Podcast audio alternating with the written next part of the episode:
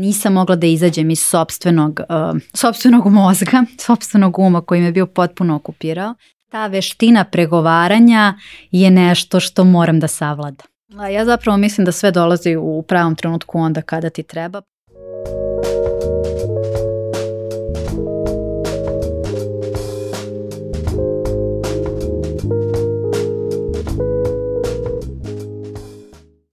Dobrodošli u Fusnota podcast. Ja sam Aleksandra Petrovski i ceo svoj profesionalni život bavim se postavljanjem pitanja a posljednje tri i po godine najviše postavljam pitanja o multipotencijalizmu i tako je nastao ovaj podcast.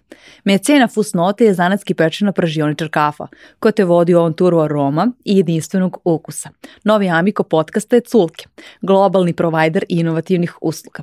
Hvala im za ovaj veter u leđa i hvala i svima vama koji ste jednokratnim donacijama na Paypalu podržali dalje kreiranje Fusnote.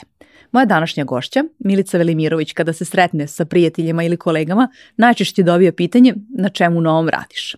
Milica je završila master iz javnog zdravlja, doktorat iz neuronauka i specijalizaciju iz laboratorijske medicine. Ona je asistentkinja na medicinskom fakultetu, a uporadu još dok je studirala je izučavala tradicionalnu indijsku medicinu. U slobodno vrijeme bavi se penjenjem, grančarenjem, jedno vrijeme je čak i učila programiranje. I potpuno spletom nevjerovatnih i neočekivanih okolnosti, grančarenje ju je odvelo u preduzetništvo i to je sada njena nova dodatna avantura. Milice, zdravo i dobrodošla. Ko si u suštini ti kada sklonimo sve tvoje titule poslovne i one dobijene obrazovanje? Uh, Aleksandra, hvala ti na tom pitanju. Uh, u suštini ja se ne, identifikujem sa, sa svojim titulama, odnosno svim prefiksima koji prethodne mom imenu i zaista se redko rijetko, rijetko kada tako i predstavljam, ali ko sam ja u suštini? Pa ja mislim da sam ja promjena.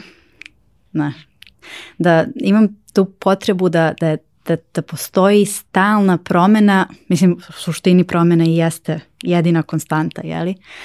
Ali nekako šta god da radim, i gde god da jesam u bilo kom prostoru, posle nekog vremena mora da nastupi promjena. Da li će da to bude samo unapređenje ili će da bude potpuni shift, od date teme zavisi, ali uvek nekako mora da postoji neki vetar i neki flow. Meni je bilo zanimljivo kada si pričala kao da tebe kolege ili prijatelji ovaj, neretko pozdravljaju sa kao ha, Milice šta novo radiš? Jeste, istina. Tako da ima veze s ovim kao ha, stalno promjena. kada si upisala medicinu, Uh, pričala si mi da si imala neke drugačije zamisli čim ćeš se ti baviti, ali u toku fakulteta si shvatila nekako da to nije uh, baš to. E, pa kuda te to novo odvelo, hajde kažem, htjela si da se baviš javnim zdravljem, ali onda si shvatila da, da sam medicinski fakultet nije idealno mesto obrazovanja za nekoga ko želi na da bude na takvim pozicijama. Um, nije do kraja istina da medicinski fakultet nije znači, dobro mesto za to. Imamo mi katedru socijalne medicine i školu javnog zdravlja koje direktno edukuju ljude u ovu svrhu, eh, ali naravno postoji neki drugi fakulteti koji možda bolje pripremaju ovaj, eh, ljude za, za te rukovodeće pozicije. Eh, ono što je mene negde, što je moja ideja bila, uređenje sistema. E sad, uređenje sistema je suštinski politika, i da bi bili u politici moramo da budemo posebni jeli, ljudi, specifični, a ja sam shvatila da ja nisam takav e, čovek, nisam preterano e, taktična, kada nešto želim i volim, ja idem ka tome otvoreno. E, tako da malo sam veća idealista i onda sam shvatila da ta sredina ne bi bila dobra za mene i za moju ličnost i za moj dalji rast, ali sam ja bez obzira na, na to saznanje odlučila da završim um, školu javnog zdravlja, master iz javnog zdravlja, jer mislim da znanja i veštine koje sam tamo stekla i ljude koje sam tamo upoznala zapravo mogu dosta da obogate moj um, život i uopšte moj posao i da to um, javno zdravlje i to menadžerisanje u stvari ne mora da se vodi na nivou države, mhm. već može znači znači neki mikro svet, moj svet, znači negde šta, kako ću ja već to da sprovedem u delu i šta ću da radim. Tako da ovaj, sve što sam tamo naučila je meni bilo dragoceno. interesantno je da si e, master e, završala uporedu sa doktoratom, što je onako ovaj, malo ne, neočekivani e, sled događaja a, sa, sa doktoratom iz neuronauka i e, meni je posebno interesantno bilo što je tvoje okruženje nije bilo podsticajno ka tome da ti upišeš taj master. Na prvom mjestu, šta će tebi Milice još i to? E, to je istina. E, nije bilo podsticajno, ali sa druge strane, ja sam se tu zauzela za sebe, ja u tom trenutku nisam ni shvatila šta sam ja uradila. Jedino znam, ja imam tu želju da učim radoznala sam i to što kažem ta promena znači moram imam potrebu stalno da, da napredujem, da vežbam, da, da se razvijem u kom god smislu i to je moj šef prepoznao i predložio mi da ja to ostavim za neko kasnije vrijeme, ali sam ja objasnila da ja upravo u trenutku kada sam to želela da upišem i kada sam to upisala je zapravo bilo pravo vreme e, za to i da je to, to trenutak kada ja imam na tome da se posvetim e, i da to svakako neće ugrožavati e, ovo moj regularni posao i doktorat e, koji radim. E, tako da su me na kraju e, dozvolili su mi da, da završim taj master i pri samoj odbrani svi su se pojavili i čestitali tako da je zaista na kraju sve to ispalo sjajno. Da. Pitala sam te upravo iz, iz tog momenta ha, kako da se izborimo za sebe, da isteramo do kraja, jer verovatno je bilo i preispitivanje, ok, na neki način e, to nije samo bilo negodovanje nekih ljudi koji su tvoja porodica ili e, prijatelji i tako dalje, već na neki način te e, osporava tvoju, tvoju odluku i neko ko ti je u tom poslu nadređeni. Tako da je to poseban poseban ugao i ovaj, negodovanja. Jeste. Znaš, ja često razmišljam o tome, jer um, do, često se dešava da se ne borim za neke stvari i da prosto pustim da stvari idu na poslu, da stvari idu tim tokom kojim idu. I onda sam shvatila da u trenutku kada je meni nešto jako važno, da se ja zauzimam za sebe i za, za, za određenu stvar, za određeni deo. Tako da prvo sam mislila da idem linijom manjeg otpora, u smislu tog prihvatanja stvari kako jesu, a onda sam shvatila da možda meni samo nije sve jednako bitno.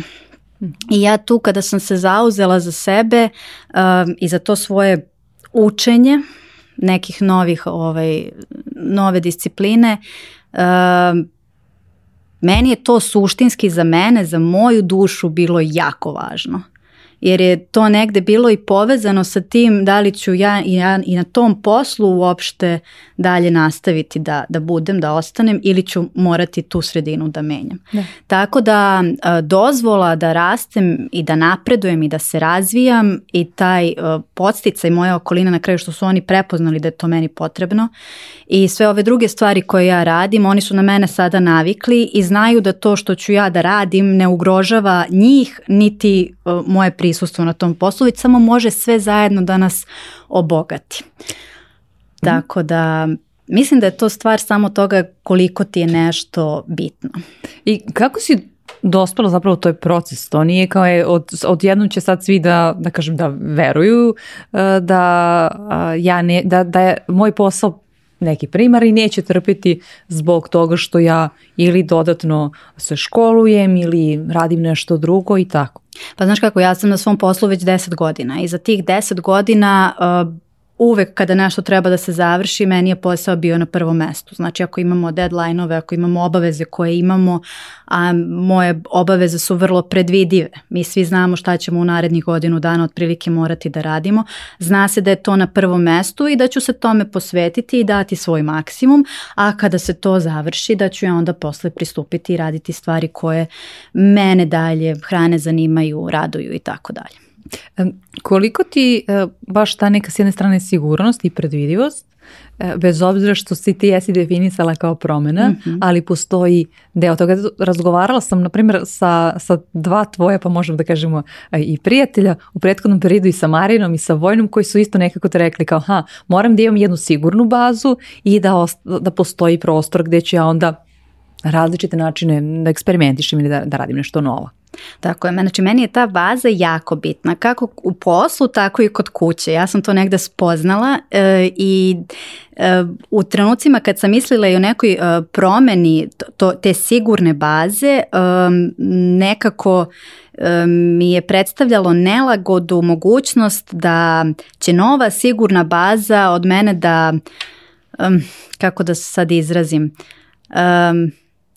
da, da me okupira mnogo više, ajde, da, tako da kažem, e, i da ću onda zbog toga morati da se odreknem nekih stvari koje, koje meni prijeju, e, jer ja ovdje gdje sada radim, e, posao jeste stalan i stabilan, ali je i jeste predvidiv, ali pristup tome je različit jer ja se bavim nastavom i naukom i u toj nastavi vrlo je važna pedagogija i edukacija e, kako prenositi grupa zna. Ista, da. Jeste, nije svaka grupa ista, svaki student je drugačiji, individua za sebe i ono što je tu, tu je uvek izazov meni veliki i ono što mi je najvažnije, jer neću ja nikoga ništa naučiti, znači to je potpuno stanovništvo da ću ja tebe nešto da naučim ili ti meni, ti meni možeš da pokažeš neku veštinu pa da ja vežbam i da je usvojim ili znanje da mi objasniš i onda da ja kažem aha sad mogu, sad ću lakše da prihvatim to novo znanje, ali vrlo je velika eh, eh, izazov da čoveka koji ti inicijalno deluje izuzetno nezainteresovano za temu koju pričaš, a mi pričamo o biohemiji, o nekim sitnim molekulima, enzimima i toga ima jako mnogo i studentima medicine to deluje suvoparno i u smislu šta će to meni sutra da bih ja bio doktor. Eh, izazov je da vi navedete i da motivišete E, studenta, budućeg doktora, da taj vaš predmet prihvati i da shvati da ga stavi u kontekst medicine. Tako da meni je to u stvari veliki izazov i to je nešto gde svake godine, svaki, svaki, svaku nastavnu jedinicu koju vodim je zapravo izazov sam po sebi i to je neka vrsta različitosti koji bez obzira što je stalno i što ti imaš neke repetitivne momente, imaš i stvari koje su neizvesne i gde moraš samog sebe i sebe da iznenadiš i drugog da iznenadiš i da se edukuješ dodatno u smislu te pedagogije, jer mi pedagogiju na samom fakultetu nismo imali i u trenutku kad smo um, znači bili izloženi tome da, da ulazimo, da uđem u nastavu, mene niko nije obučio kako ću ja da držim nastavu. Sad je stvar mojih ličnih afiniteta, da li sam ja, um, da li je meni u redu e, taj javni nastup, da li mi ide lakše ili ne i da li sam ja prijemčivija za to da vidim um, reakcije drugih ljudi, znači kako oni reaguju, da li me slušaju, da li me ne slušaju i da li mi je bitno i važno da ja nađem način da ih motivišem da me slušaju. I mislim da je to zapravo najveći uspjeh uspeh svakog eh, nastavnika, profesora, edukatora da negde tebi približi tu jedinicu koju ovaj, preda. Tako da moj posao jeste to stalan i siguran, ali je izazovan. Ja tu nastavu stvarno, mislim, meni je to omiljeni deo mog posla. Kako je izgledalo kada si prvi put u praksi počela da radiš ono o čemu si učila i koliko je to dalje trasiralo tvoj put? Ovu temu podržava Gebruder Weiss, najstarija transportno-logistička kompanija na svetu, čiji je slogan Mi pokrećemo svet. Pa ovako, ja sam se prvo znači, edukovala da budem doktor. Ja. nikada se medicinom u smislu prakse nisam bavila, to sam još za vrijeme fakulteta odlučila da mene ne zanima iz prostog razloga što ja jako volim da pomažem ljudima i da režljiva sam osoba i nemam problem da pomognem i da ne tražim ništa sutra za uzvred i to je negde doktori su između ostalog jeli, daju svoje znanje i vreme i umeće da pomognu da se održi zdravlje. ono što mi se nije dopalo na sam, to što sam vidjela za vrijeme prakse jeste da ljudi, pacijenti ljudi često stavljaju e, e, u, u, u ruke lekara odgovornost za njihovo zdravlje i e, to je ovaj, jedan pacijent jako lepo rekao, doktorka sad ćete vi mene da izlečite a čovjek mislim ima karcinom pluća zbog pušenja, da, Znači ne, ona je rekla ja ću dati sve od sebe, ali nije nisu samo takve terminalne stvari u pitanju, ali bilo šta drugo, znači to očuvanje zdravlja i briga o zdravlju je upravo u rukama samih nas. Uh, a onda ukoliko se napravi disbalans i dođe do različitih patologija, naravno tu su stručnjaci da pomognu, ali ponovo kada odemo kući mi smo ti koji moramo da brinemo o sebi i ono što mi se nije dopalo jeste upravo to to što čovjek nije spreman da preuzme odgovornost za svoje zdravlje, nego je mnogo lakše to staviti u ruke nekog drugog i reći krivica je nečija, a ne moja. Tako da sam ja odlučila da se klinikom, to je jedan od stvari, drugi od stvari što mi se ne sviđa kako je sama klinika kod nas organizovana. Ovaj, tako da sam odlučila da ja ne bih to da radim i imala sam tu sreću da jedna od stvari koje se meni mnogo dopala za vrijeme fakulteta, što sam otkrila na samom fakultetu je biohemija. Uh, I kada sam pozvana tu da, da dođem, uh, ja sam bila jako ovaj, srećna. Uh, i kad smo počeli to da kad sam počela tim poslom da se bavim um, lagano ceo kolektiv je takav da, da, da lagano uvodi u proces, tako da je malo po malo išlo jedno po jedno i bilo je dosta mladih, mlada je katedra, što je u stvari meni ovaj, bilo Mnogo lepo. Ti si praktično u nastavi. Jest, jest, u tom trenutku da. Tako da je to sve bilo jako, baš je bilo lepo. Mislim, sam taj početak je bio divan. E, vratit ću se samo još jednom na, e, pošto nekako e, do, tvoj doktorat je pao, pao u senku ovog mastera, ali ti si mhm. istovremeno pored svog redovnog posla i jednim i drugim se um, učila si jedno i drugo. Um, I kako ti izgledalo sad, kako ti izgleda sad sa distanci tih godinu dana ovaj, visoko trening? To je prilike kao onih posljednjih, posljednjih godinu dana kada se olimpijac priprema za olimpijski igre na neki način u smislu intenziteta, ovaj, u, tom, u tom slučaju mentalne teretane. A, pa sama izrada, znači eksperimenti i izrada doktorske teze su meni bili izazovni. Uh, ja sam se tome posvetila maksimalno i, i stvarno je godinu dana trajala ta neka vrsta tenzije gde sam se ja osjećala uh, kao da godinu dana nisam disala, kao da zaroniš i onda hoćeš da izroniš i da udahneš onaj vazduh, ja sam bila tu odmah ispod vode, samo mi je trebalo da da udahnem.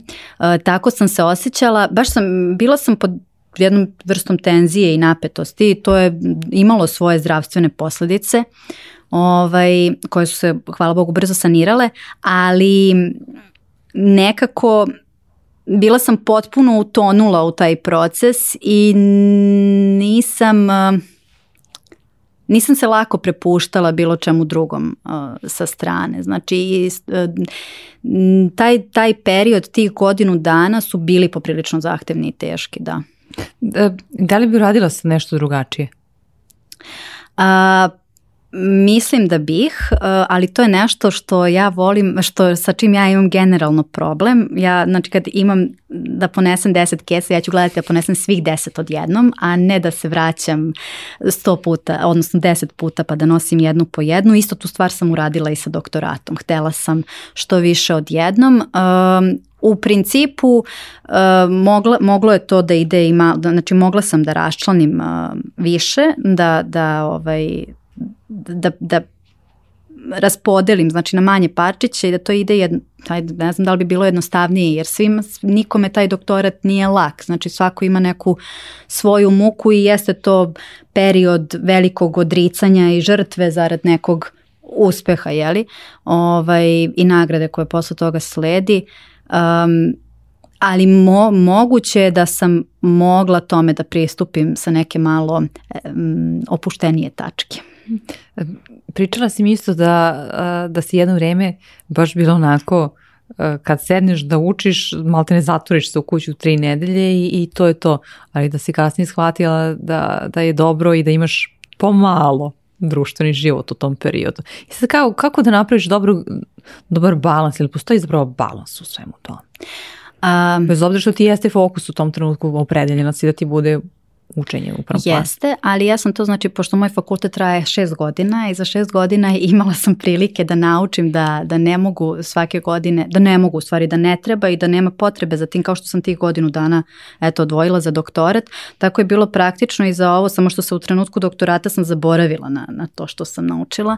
Ovaj, znači, dovoljan period učenja je da se uči na primjer od 8 ujutru do 4 popodne, znači kao neko radno vreme bez obzira što jeste medicina teška i zahtevna, ali ako se radi cele godine, onda je samo spremanje ispita padne mnogo lakše i onda da postoji neki period odmora uz prijatelje, da se izađe, da se prožeta, da se popije piće i da se vratim u kući da znači spavaš, da imaš kvalitetan san i da sutradan ponovo možeš da kreneš da učiš. To sam kasnije shvatila da je moguće i da je poželjno i ono što sam još naučila jeste da ne učim sama, već da uh, učim uz nekog kolegu Ovaj, to je na primjer isto bilo zanimljivo jer na taj način e, nekako učenje ide lakše, gradivo se brže usvaja i objašnjavajući nekome e, i sami postajemo sigurnije u ono što smo prethodno pročitali i čak ako tom nekome nešto nije jasno što smo mi samo onako e, pročitali i usvojili, onda da bi se to nešto objasnilo je dodatno ti u stvari još više povećava znanje, fond znanja, u stvari i stabilnost u tom znanju. I kasnije Si, I kasni si zapravo isto vežbala kada pred studentima drugim predstavljaš ono što znaš. Tako Jest. da ti tako pomoglo, da. Jeste. A da li je to period, zapravo ti imaš i dosta i hobija i drugih interesovanja, da li je to period kada si bila samo posvećena e, studijama i učenju ili si i tada već da imala druga interesovanja? Kako to voziš? Da li to voziš paralelno e, ili imaš ciklično? Mm, pa nekako sve to ide, ide paralelno. Um, za vrijeme još fakulteta ja sam, uh, koja sam bila godina na primjer, treća, da treća godina fakulteta kada sam upisala školu homeopatije, pa sam znači cijele godine paralelno sa fakultetom vikende odvajala za školu homeopatije. Nije bio baš svaki vikend, ali relativno često, pa smo naredne godine imali i polaganje tog ispita iz homeopatije. Um, zatim sam um, vežbala, odnosno došla u kontakt sa ajurvedom, indijskom tradicionalnom medicinom, pa sam i to za vrijeme fakulteta bila krenula da učim. Znači zanimale su me te alternativne vrste medicine i narodne, u stvari ajurveda je narodna medicina. Ovaj, zanimala me jedna integracija u stvari znanja uh ovog koje primam na fakultetu i svega onoga u stvari što može da prevenira bolest, odnosno da sačuva zdravlje. Znači u stvari meni je ta prevencija nekako uvek bila primarna, a prevencija u stvari uh, je jeste vezano ono što sam malo prepričala za samo odgovornost i vo, da vodimo računa o zdravlju, pa i samim tim taj urveda i počiva na, na prevenciji, ali znači sve to nekako išlo meni paralelno. Da, bila su tu još neka interesovanja. Sa jogom sam isto počela za vrijeme fakulteta. Ti si bila jedno vreme instruktorka joge također, da? Jeste, menjala sam eh, jedno, da, jedno kratko vreme sam menjala ovaj, instruktora dok je bio u, u Indiji i to mi se dopalo da radim. sad opet vršim neku vrstu, edukacija vezanu za grančariju. Znači ja generalno volim taj edukativni moment. Tako da... Ali da, interesantno je, eh, ti si osoba koja se posvetila, da kažem, nauci u medicini, eh, a s druge strane eh, uvijek stavljaju kao, li to, to je tra, tradicionalna indijska eh, medicina, s to stavljaju kao suprotnost tome mnogi ljudi doživljavaju kao suprotnost onoj ajde kažemo zapadnoj medicini, odnosno klasično, ono, ono, što mi smatramo klasično. Da, da, možemo e, tako da kažemo. Pa zapravo ništa to nije um, suprotno, da.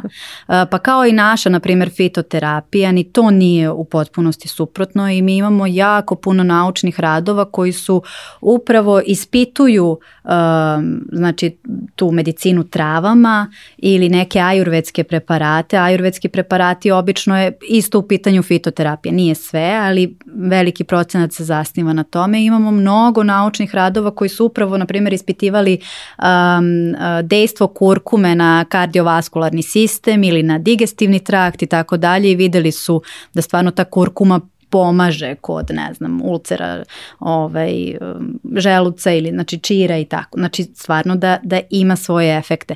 E sad ono uvek se postavlja pitanje kako su to stari ljudi znali bez, bez nauke i to je jedan trenutak koji koji ostaje onako svima nama malo kao pa, nepoznat. Pa, da, ja zapravo kad smo se dotakli te teme, ja zapravo mislim da su nekada ljudi bili mnogo kreativniji jer je bilo potrebno mnogo više promišljanja da bi ti preživeo a, nije postojalo ovaj, Google i tako dalje, tako da a, ispitivanje morali su mnogo više da testiraju, ok, tu su bile da. nekad vjerojatno ovaj, i žrtve, ali da svaku travu, biljku ovaj, i, plod te, te biljke probaju pa onda shvate zašto je to dobro, a nema kao napisano već Yes. Ovaj, I na taj način i lako dostupno. Tako da meni s te strane je interesantno, da. zanimljivo i kako se to održalo na kraju dana. Um, dotaći će se još nečega što, što se naslanja na prevenciju, možemo da kažemo, zdravlja, a na prvom mjestu potiče iz Indije joga i meditacija, e, mnogi ljudi sad smatraju jogu pomodarstvom na neki način. Oni, uglavnom oni koji je nikada nisu ni praktikovali. E, I kažu, man daj, kao sad je to, to ti je e, otprilike paket ono za početnik, šta treba da radiš, to, to, to i to, između osnoge u, u meditacija, ali nemamo zapravo predstavu koliko je to, to blagodet, pogotovo za ljude koji, ok, ti više ne živiš u gradu, sreća tvoja, ali za ljude koji e, žive u velikim gradovima, a i opet i bez obzira da žive e, u, u današnjem svetu koji je pun buke na mm različite načine meni su joga i meditacija vrlo pomogli i vrlo su mi bili Značeni pogotovo u periodu studiranja medicine, a i e, kasnije. I na primjer baš period kada nisam tome bila posvećena je upravo bio onaj period onih posljednjih godinu dana doktorata. E, tada nisam, nisam mogla da izađem iz sobstvenog, e, sobstvenog mozga, Sopstvenog uma koji me bio potpuno okupirao. Ovaj, I mislim da je to veliki minus. Mislim da, da sam se tada, da sam se tada više tome posvetila, da sam se time više bavila da bi mi stvarno e, sve to mnogo lakše e, palo. Joga e, i meditacija pomažu jednoj sveukupnoj fokusiranosti. Ono što se kod nas malo više, na zapadu, u tom smislu kažem kod nas, malo više doživljava jeste ta fizički aspekti joge ali joga ima i tu svoju duh, duhovni Pa ja bih rekla ne samo fizički aspekt, nego i verski aspekt, jer doživljavaju, kada se pevaju asane, neko to doživljava kao na taj način, a nije svaka asana isključivo molitva verske prirode. Da, nije. nije. Ali da, ima takvih doživljaja. Mislim, ja sam neko ko dugo vežbao jogu, tako da, da znam da ima i, da. Ove, ja vežbam jogu pored jednog velikog prozora u mojoj kući i taj prozor vidi cela ulica praktično i skoro sam radila ovaj, um, nešto down dog um, ovaj, i to radila sam i sad sam pomislila, bože, ako me neko vidi pomislit će da se molim ili reko da radim nešto, reko, neće im biti, bit će čudno ovaj, u svakom slučaju. Ovaj, ali da, misle ljudi svašta, u stvari joga ima toliko benefita mislim, i, za, i za telo i za um i ja na primjer vežbam volim vinjasu i aštanga jogu, to su znači te dve joge koje su u pokretu i praktično kad se uspostavi taj ritam i pokreta um, dobijate meditaciju u pokretu što je prelepo. Uh, meditacija pomaže da se čovek uh, koncentriše, da se uzemlji, da da dođe u neki mir sam sa sobom. Um, ono što je meni bilo značajno jeste da povećava svesnost. Uh, postoje samo, sama osoba postaje svesna sebe i procesa koji se događaju u njegovom umu i telu, a onda u odnosu na tim može da posmatra i okolinu uh, i ono što, što, što neko misle, sad ja vežbam jogu i meditaciju i sad će moj život da bude cveće i proleće i sve će da bude lepo, pa naravno da neće. Mislim, svijeno nam se u životu dešavaju mm, i lepe i ružne stvari, samo je stvar kako ćemo mi na njih reagovati i stvarno mislim da ove dve metode pomažu da eh, se kada se dese neke stresne situacije, događaji koji nisu prijatni, da se oni eh, prihvate na jedan način koji možda nije toliko dramatičan ovaj, jeste strašno, ali nekako idemo dalje i nađemo način da to prevaziđemo. Ono što je meni bilo značajno sa tom meditacijom jeste moj put. ja jesam krenula preko meditacije, ali sam od meditacije došla do molitve da bih e, nakon nekoliko godina bila iskritikovana, prekorena od strane jedne ovaj, molitve e, kakvo je hrišćanstvo poznaje. Jeste, ovaj, bila sam iskritikovana od strane žene bože kako se one zovu, u manastiru su. Monahinje. Monahinje, hvala ti. Ovaj, kako, eto ja sam pravoslavne veroispovest, ja bavim se meditacijom i kako prekorila me baš. I onda sam ja razmišljala o tome što je ona, šta je ona rekla i shvatila sam da jesam krenula od meditacije, ali stvarno ta moja meditacija se završava sa molitvom i sa jednom zahvalnošću. Uh, za, za ljude oko sebe, za stvari oko sebe, prirodu, za za sve prepreke na koje nailazim i izazove, tako da ja stvarno mislim da je meni ta meditacija možda bila i most negde sa, sa pravoslavljem na neki način. Kroz jogu i meditaciju često se provlači oni momenti pevanje molitvi na mm, hindiju. Jel? I ovaj, meni to dugo nije bilo prihvatljivo. Nije mi se taj, taj aspekt prosto sviđao jer govorim i odgovaram neke reči koje ne znam šta znače. I mislim da me upravo to okrenulo ka molitvi i e, mislim da vlada i ta neka e, to verovanje da koju jogi i meditaciji moli se šivi, e, krišni i ne znam kome, kojim drugim bogovima. to u mom slučaju to stvarno nije tako e, i, i nije obavezno. Jedno drugog ne obavezuje i ne isključuje. Mislim, prosto možeš da prihvatiš aspekt koji tebi odgovara i da radiš upravo ono što, što tebi prije. E, ima jedna druga vrsta meditacije kojom se ti baviš, to je grnčarija. A, da. Kako si dospela u taj svet? U taj svet sam dospela baš posle e, doktorata i to me je izvuklo maksimalno i zapravo moja kuma Dušica je krenula na, na grnčariju jedno 7-8 mjeseci pre ranije i mene je pitala gde da ide. Ja sam znala jednu devojku koja je vajarka pa mi je ona rekla, preporučila školu gde je moja kuma i krenula i rekla mi je kad sam završila doktorat, e dobro, kada ćeš sad ti da kreneš na grnčarenje? Ovo što je meni bilo uopšte čudno da me pita jer nisam ja nikad izrazila neku želju da idem u tom smeru i da se time bavim.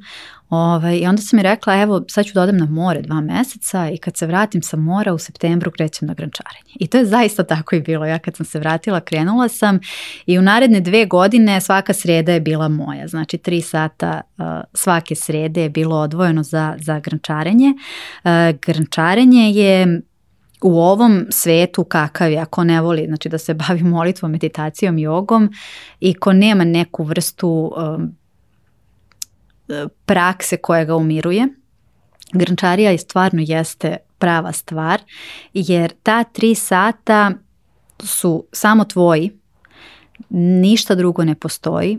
Um, vrijeme prestane da postoji, a tri sata prolete, niko ne zna kada su prošli, potpuno se udubiš u to, što radiš, ruke su u glini, odnosno povezane su sa zemljom, tako da ima i taj neki aspekt uzemljenja i lečenje. Stvarno je meditacija, ne meditacija, grančarenje, vrsta meditacije u, u ovaj, ali na kraju krajeva napraviš nešto od jednog smotuljka gline, daš mu značenje mhm. i sutradan ga poneseš kući. Tako da ja sam dve godine bila u školi ovaj, za grančarenje, a onda sam sa dve eh, žene koje sam tamo upoznala, sada prijateljice, rešili smo da otvorimo naš studio. Svaka je imala neku drugačiju uh, polaznu eh, potrebu zašto to radi, ali smo na kraju napravile studio Grančarije 3 i sad imamo naš studio gdje držimo radionice i pravimo, ovaj, pravimo e, predmete, upotrebne predmete od keramike koje su na kraju krajeva i za prodaju i to mi je na primjer bio jedan od izazova u životu i jeste to ta neka vrsta sada hobi treba pretvoriti u da, to sam htjela ti pitam. biznis. Ti si neki znači sada već i preduzetnica. Jeste da je to manjim delom, ali da, jeste. Jeste i to mi je sad veliki izazov zapravo jer um, sve do sada čime sam se bavila sve je bilo na nivou hobija. Moj posao koji je stalan praktično samog sebe obezbeđuje, znači ja ne moram ništa da radim da bih imala posao osim da radim svoj posao. A ovdje je potrebno sve što jednoj maloj kao firmi treba, jeli malom poslovnom poduhvatu, tako da je moj sada veliki izazov da naučim taj biznis svet i e, sad sam u tom, u tom, ovaj, u tom procesu učenja ovaj, kako se vodi jedna firma, kako se radi marketing, kako se pišu tekstovi, kako ne moram sve da radim sama, e, kako postoji e, ljudi koji mogu da se unime i deo posla završe ovaj, za tebe, odnosno umesto tebe, a za firmu.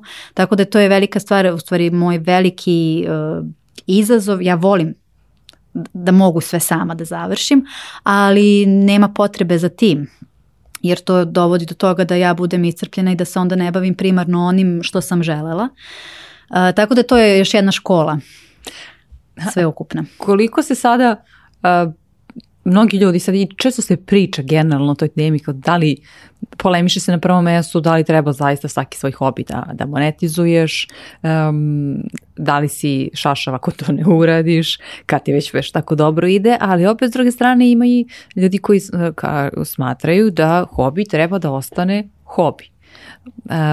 I sad kao prešla si na tu, na tu eh, drugu stranu se kaješ nekada ne kajem se, ali e, ne kajem se prosto iz razloga Uživaš što... više u samom grnčarenju kao, kao, Da, sad? ali ono što sam otkrila, ja ne umem da radim po poručbini. Ja ne umem da napravim šest istih stvari. Jednom sam pokušala i bilo mi je jako dosadno. E, tako da sam odlučila da e, moji radovi neće biti Neće ne, imati kolekcije, neće biti velike serije, nego će biti unikati. Isto tako, pošto je ova korona kako je bila, ja sam radila neka dva posla i kako smo otvorile studio ja sam uletela u taj drugi posao i bilo mi je mnogo teško da uz to još radim i grančarenje i da idem na grančarenje da idem uopšte u studio da radim i onda sam to doživljavala kao ja sad moram da odem i da uradim nešto jednom nedeljno.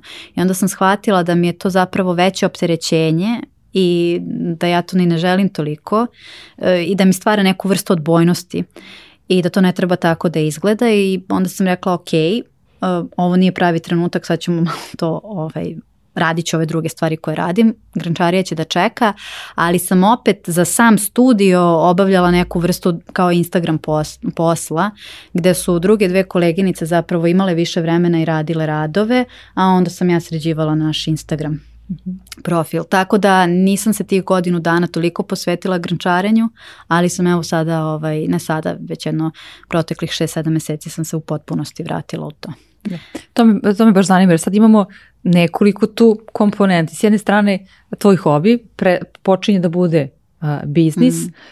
ti postaješ preduzetnica, Eh, osim što, što vodiš, su zajedno sa, radiš u, timu od tri osobe koje ste praktično sve jednake na neki način, treba da sarađuješ, da, zna, da umeš da sarađuješ u timu isto kao eh, i one sto tobom imamo uh, eh, taj ovaj, s druge strane radiš za prodaju svoje mm, ovaj, predmete i podučavaš neke ljude što je opet novi, novi sloj svega toga i kao da, da se postaraš da studio funkcioniš u smislu da imate polaznik i tako dalje, bez obzira što to jeste podeljeno. Sam ne znam da li je podeljeno u potpunosti, delom si ispričala E, kako funkcioniš, odnosno kako ste u jednom periodu funkcionisala, ali da li sve radite sve? Sve tri radite sve? Ne radimo sve tri sve. Ove, što se tiče radionica... I delegirate nekada, platite nekim ljudima da rade. Jest.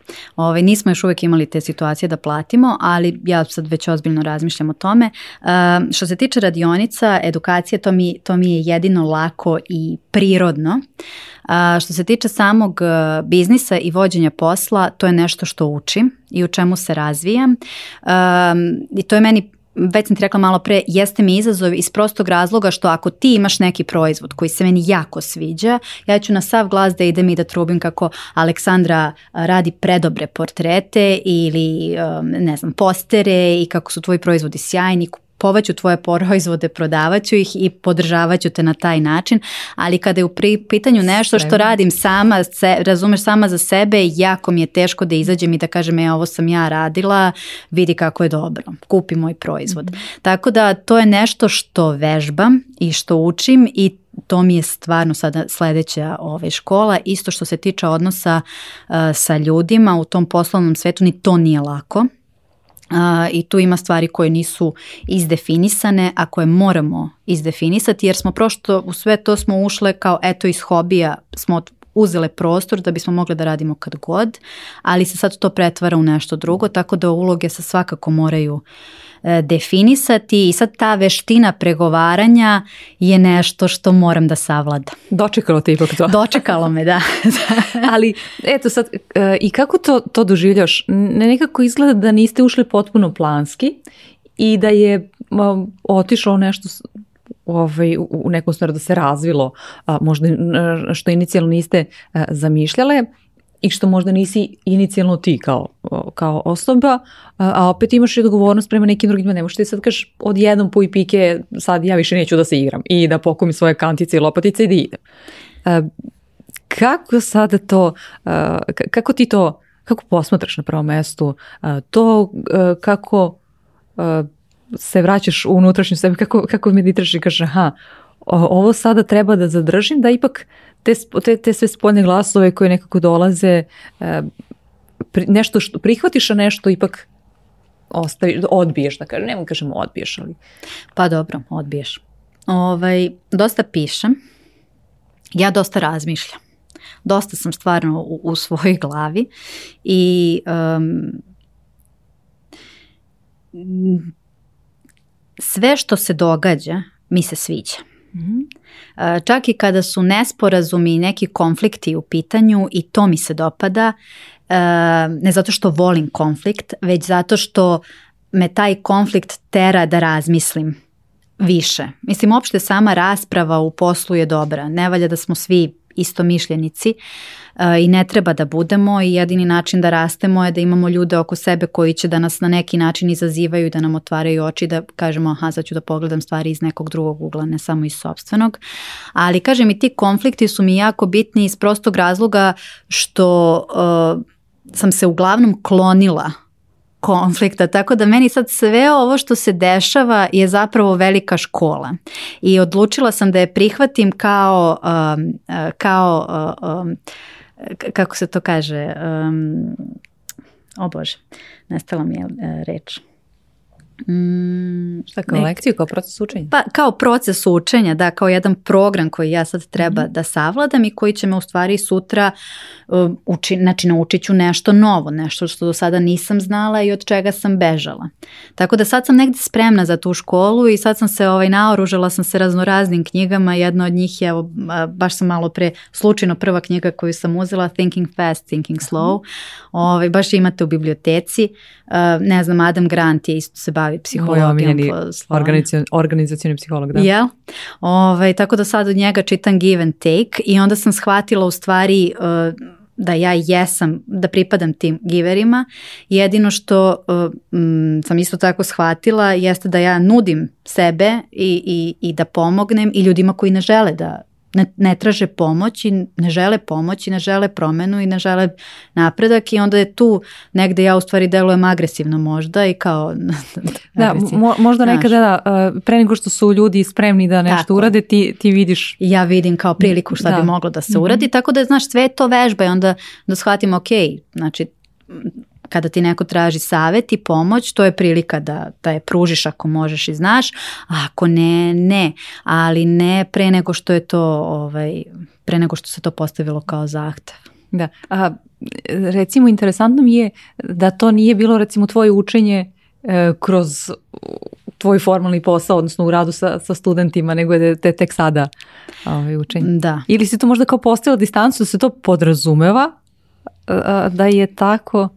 Pa znaš kako? To su neki formalni okviri u kojima mi već nekako znamo da funkcionišemo, odnos u, student ili učenika kako god i Pa odnos student profesor je nekako poprilično jasno definisan u našem sistemu.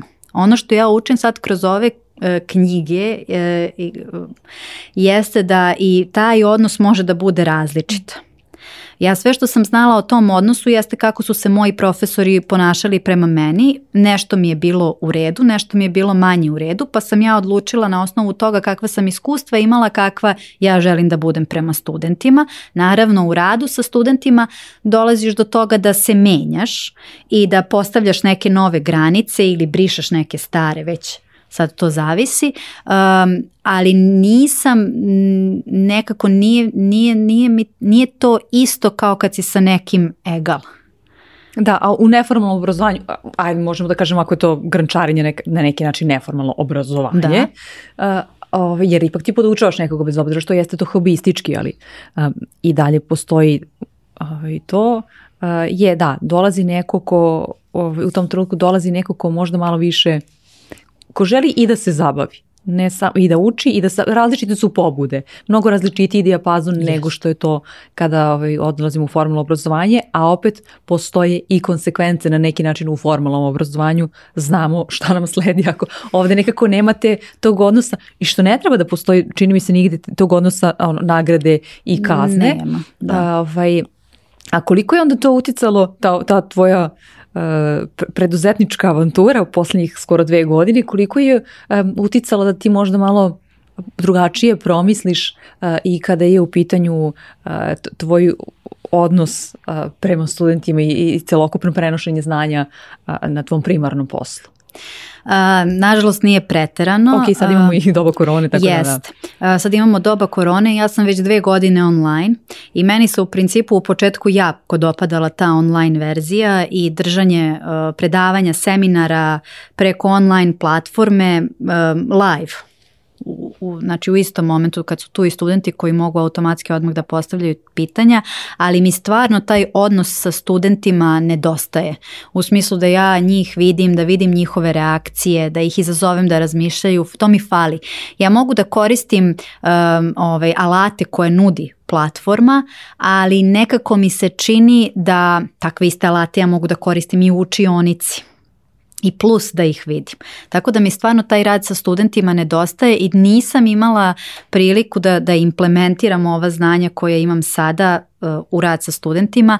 Ono što mi je um, bilo zanimljivo jeste da sam prepoznala kod sebe neke veštine kojih ranije nisam bila svesna.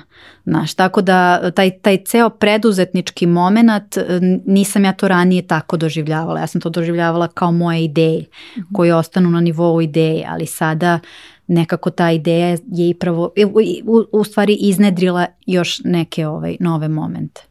E, da, da se, da se nije dogodila pandemija, da li bi ti možda uskočila u u preduzetničko grančarsku avanturu? Se razmišljala? mislim da bih, zato što je to zapravo ta ideja postojala pre, pre same korone, jer sam ja negde već u februaru, martu pričala sa ovom jednom prijateljicom sa grančarenja, ona je spomenula kako bi kupila točak, onda sam mi rekla pa što i ja ne bih kupila točak, imam gdje i da ga držim i da ga stavim i tako. I ovaj, čim se pandemija u stvari završila, mi smo krenule nazad na kurseve i ja sam se ovaj, u nekim grupama angažovala da vidim na Facebooku i to mm, ti grupe grnčara. Pitala ko prodaje točak, da li ima nešto i našli smo dva točka i obe smo kupile mhm. ovaj, točkove. I prvi moment je bio da je meni točak bio kod kuće u, jednoj garaži gdje sam ja mislila da ću moći lepo da radim, ali ovaj, to ipak nije, nije bilo adekvatno okruženje jer svraćaju, kućani, svraćaju da vide šta ja radim, onda ja uvek mislim da mi je nešto preče nego da sednem za točak i da se posvetim tome tri sata, tako da sam shvatila da moramo da imamo, da moram da imamo odvojen prostor.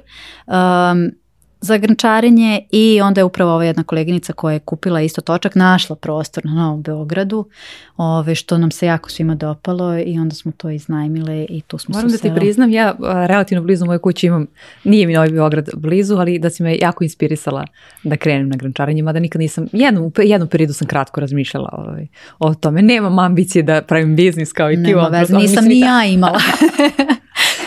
a, a, a reci mi, e, da se vratiš sad u taj moment, da radiš kao, e, ovo je tako super, zašto ranije nisam počela da imam svoj studij i da razvijem čitavu tu priču ili kažeš ha, sad je zapravo pravo vreme, posložile su se neki kocki. A ja zapravo mislim da sve dolazi u pravom trenutku onda kada ti treba. Pazi, možda se to dešavalo i ranije, ja to ranije nisam primećivala. Jel? ova, mislim, ova moja kuma, me, prijateljica me pozvala, hajde, kad ćeš da kreneš na keramiku? Ona je krenula na keramiku par mjeseci ranije, ja sam je uputila gde da ide, ali meni nije palo na pamet to da radim. I onda kad je rekla ajde, ona me nekako um, cimnula ne mhm. znaš, ovaj, povukla me. Um, kažem, možda je i ranije nekada prosto interesovanje nije bilo. Mislim da sve ima veze sa, sa periodom života u kom se nalaziš i da li si prijemčiv za to ili nisi.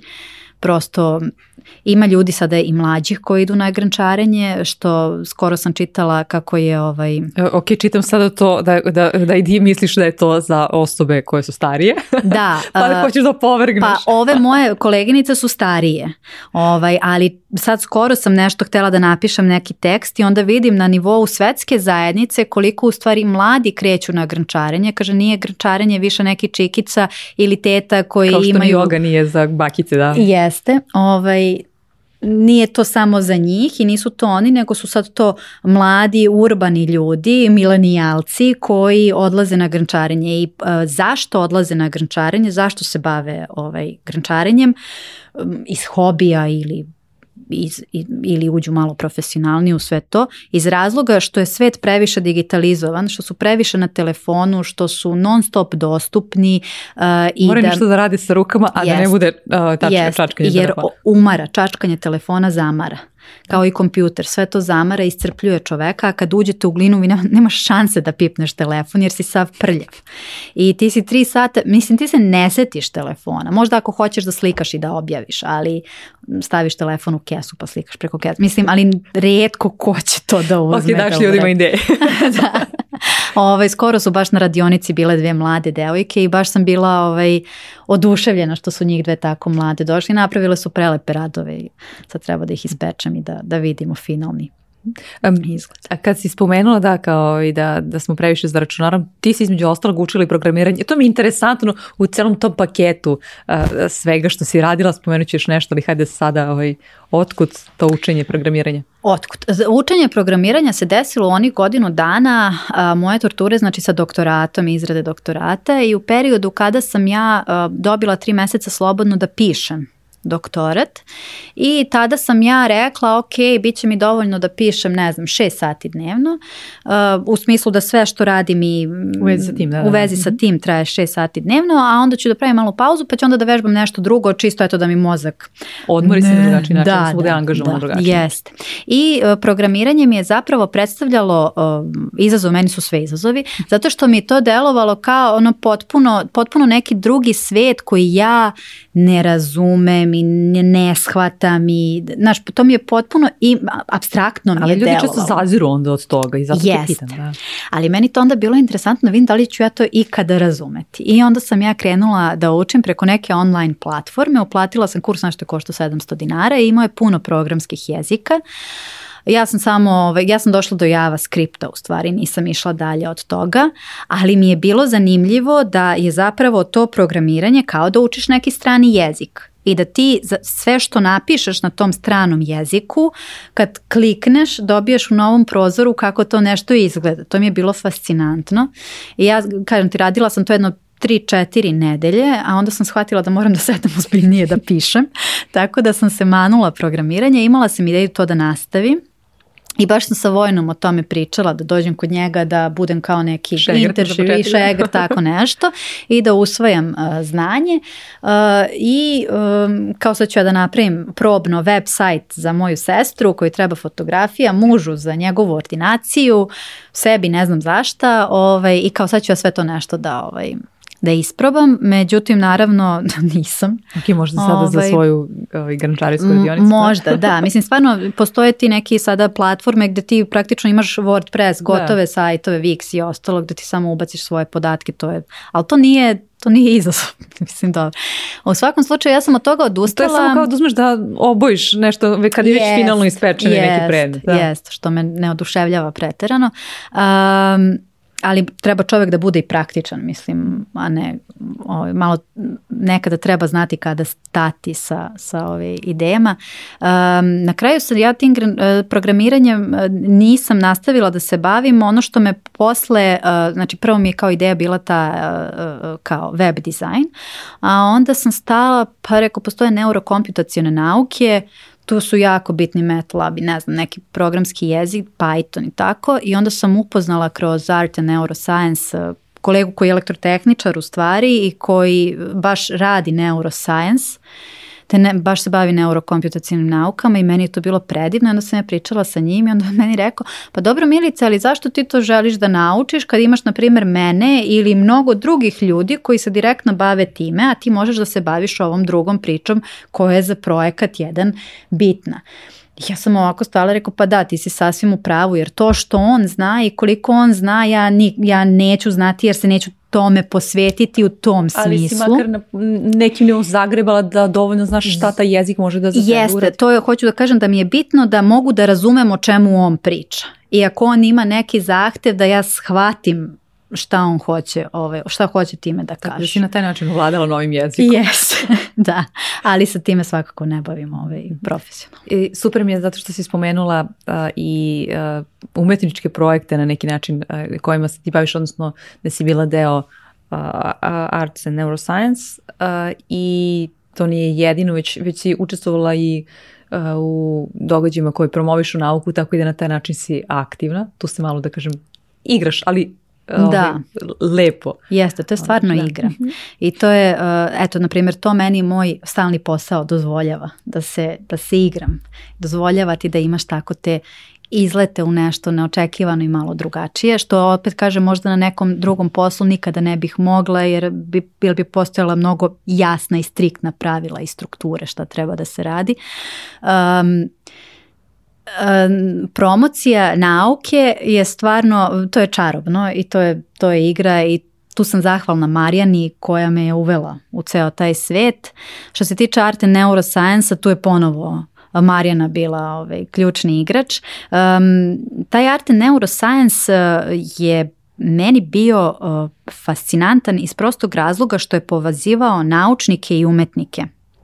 I na jednoj velikoj radionici koju smo prvo imali, da, gde smo se svi upoznali, smo bili uh, uh ono kao mind blow uh, koliko različito pričamo, koliko koristimo drugačije sintakse, razumiješ, ono, reči, sve nam je drugačije, način kako sedimo, kako sve je bilo potpuno drugačije i um, onda ako se baviš sobom i sagledaš, onda možeš da vidiš u stvari gde je ta nauka i ta neka, ajde da kažem, mm, pravolini, znači ta, pravila ponašanja u nauci, kako te to negde profilisalo i od čega si možda odustao, što si mogao da budeš, a šta nisi, da li hoćeš tu dalje da se menjaš.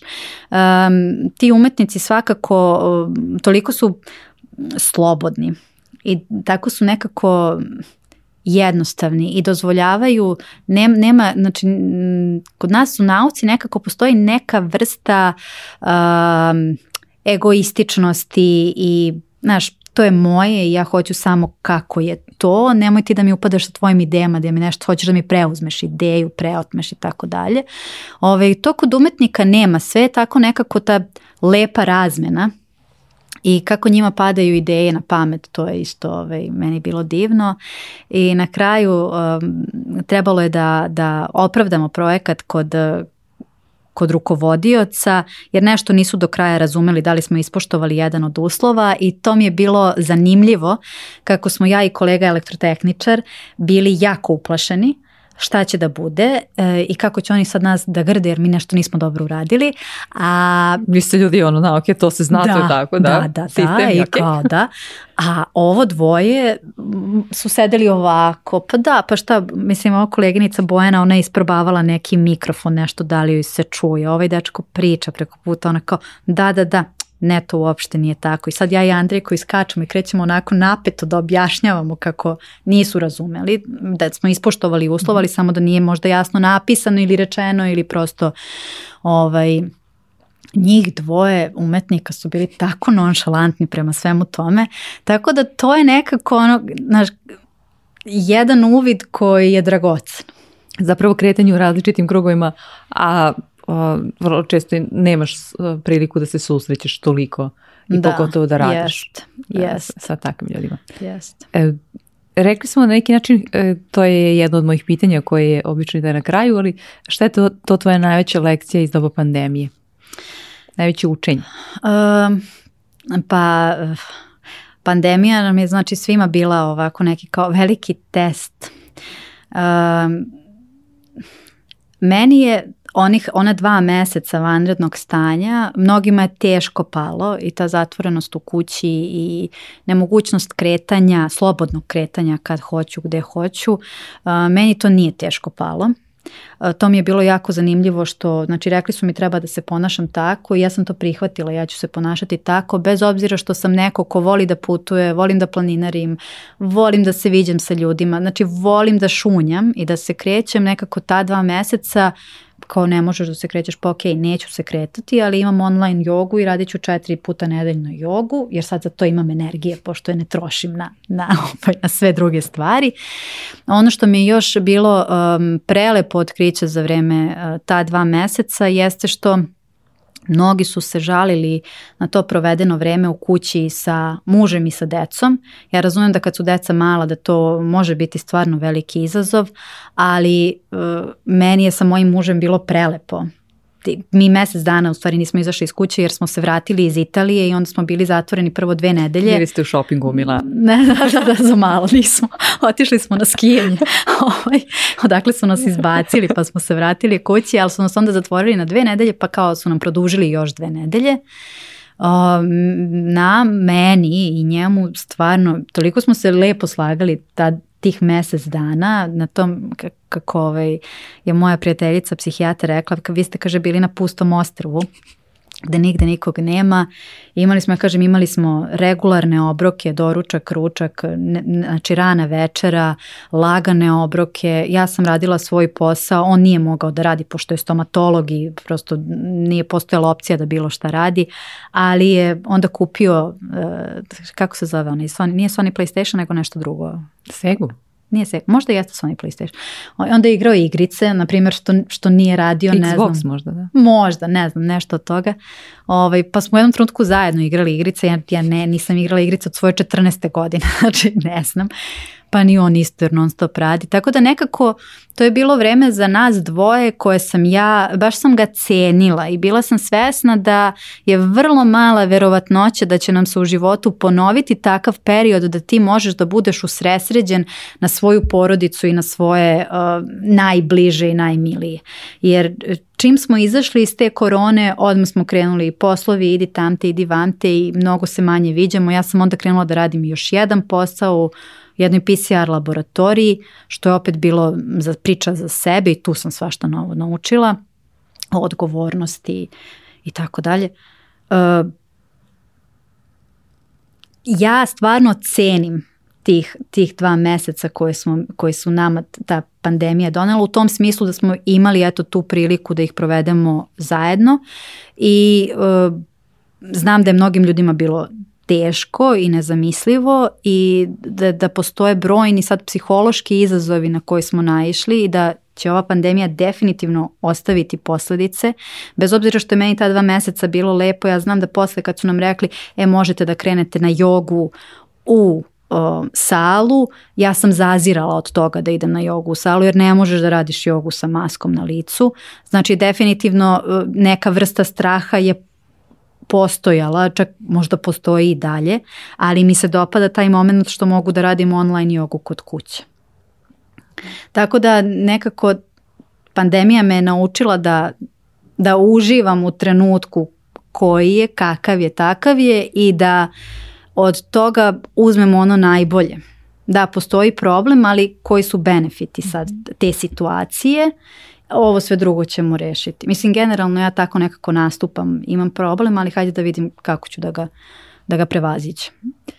E, bez kog znanja, vještine ili osobine e, ti danas ne bi bila ova milica sa kojom ja danas razgovaram? A, Šta ti to nekako najviše oblikovalo ili trasiralo tvoj put ili kako god? Pa mislim da je to što imam mlađu sestru i što sam ja uvijek bila starija, velika i odgovorna. I ona voli da kaže da sam ja jako disciplinovana i da bez te svoje osobine ne bih bila tu gde jesam. Jer pre neki dan mi je baš rekla, kaže ti, kaže uvek gledaš da završiš sve što ti je bitno i da onda posle toga možeš da se prepustiš uživanju, a ne da ti nešto sedi nad glavom. Tako da to um, završavanje i proaktivnost u smislu, pa i ovo što sam ti malo rekla, znači imam problem ili imam zadatak ili kako god, hajde da vidimo kako ćemo to nešto da, da rešimo. Imam mnogo novih ideja, Eh, to nekad bude opterećujuće jer te ideje kad se rode ja bih da ih sprovedem odmah u delo. radiš onda sa njima? Um, pa onda, onda čeprkam, jedno dva, tri dana intenzivno čeprkam kako bih mogla i šta bih mogla. Ovaj, e onda imam supruga koji je vrlo ovako praktičan i koji me sedne, onda je tako njemu pričam. Šta? Onda od mene sedne i kaže dobro šta je realno toga da uradiš sada i onda ja kažem to i to, ok, onda ćeš ovo ostaviti za kasnije, koji su ti koraci koje ćeš da preuzmeš.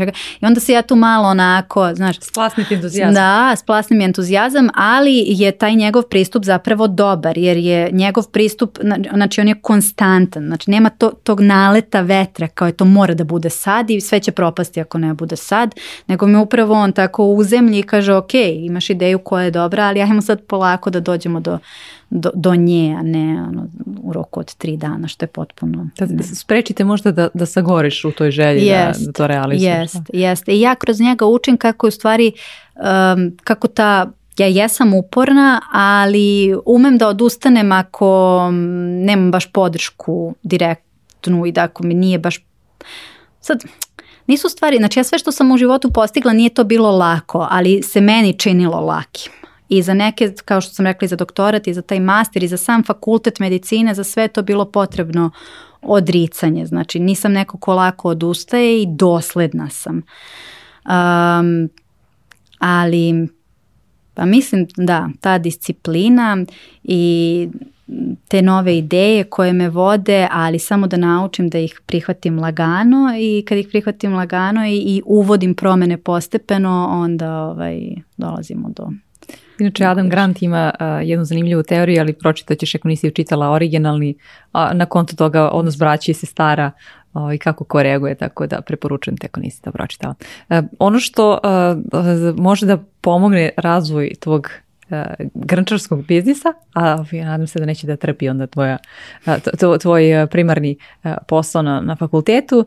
Krojačeva škola ti poklanja godinu dana besplatnog pristupa platformi na kojoj su različiti kursevi, neki ti ti mogu pomoći da savladaš e, brže neka znanja, pa možda bude i neki od tih kurseva koje, kao što je bilo to programiranje, e, tada pa se otvore na taj način novi putevi razmišljanja. E, a svima vama koji pratite ovaj podcast imate dva, kod od Fusnota koji možete da iskoristite za 20% popusta na Krojačevoj školi. Milice, hvala ti javit ćeš mi kako si, e, šta si prvo krenula e, da učiš, to me zanima, pa da, da onda imaš nekako novi odgovor na pitanje tvojih kolega šta sad novo radiš ili šta novi odgovor na, na, to isto pitanje. E, me je bilo zadovoljstvo da razgovaram sa tobom i hvala ti što si bila moja gošća. Hvala Aleksandra na pozivu.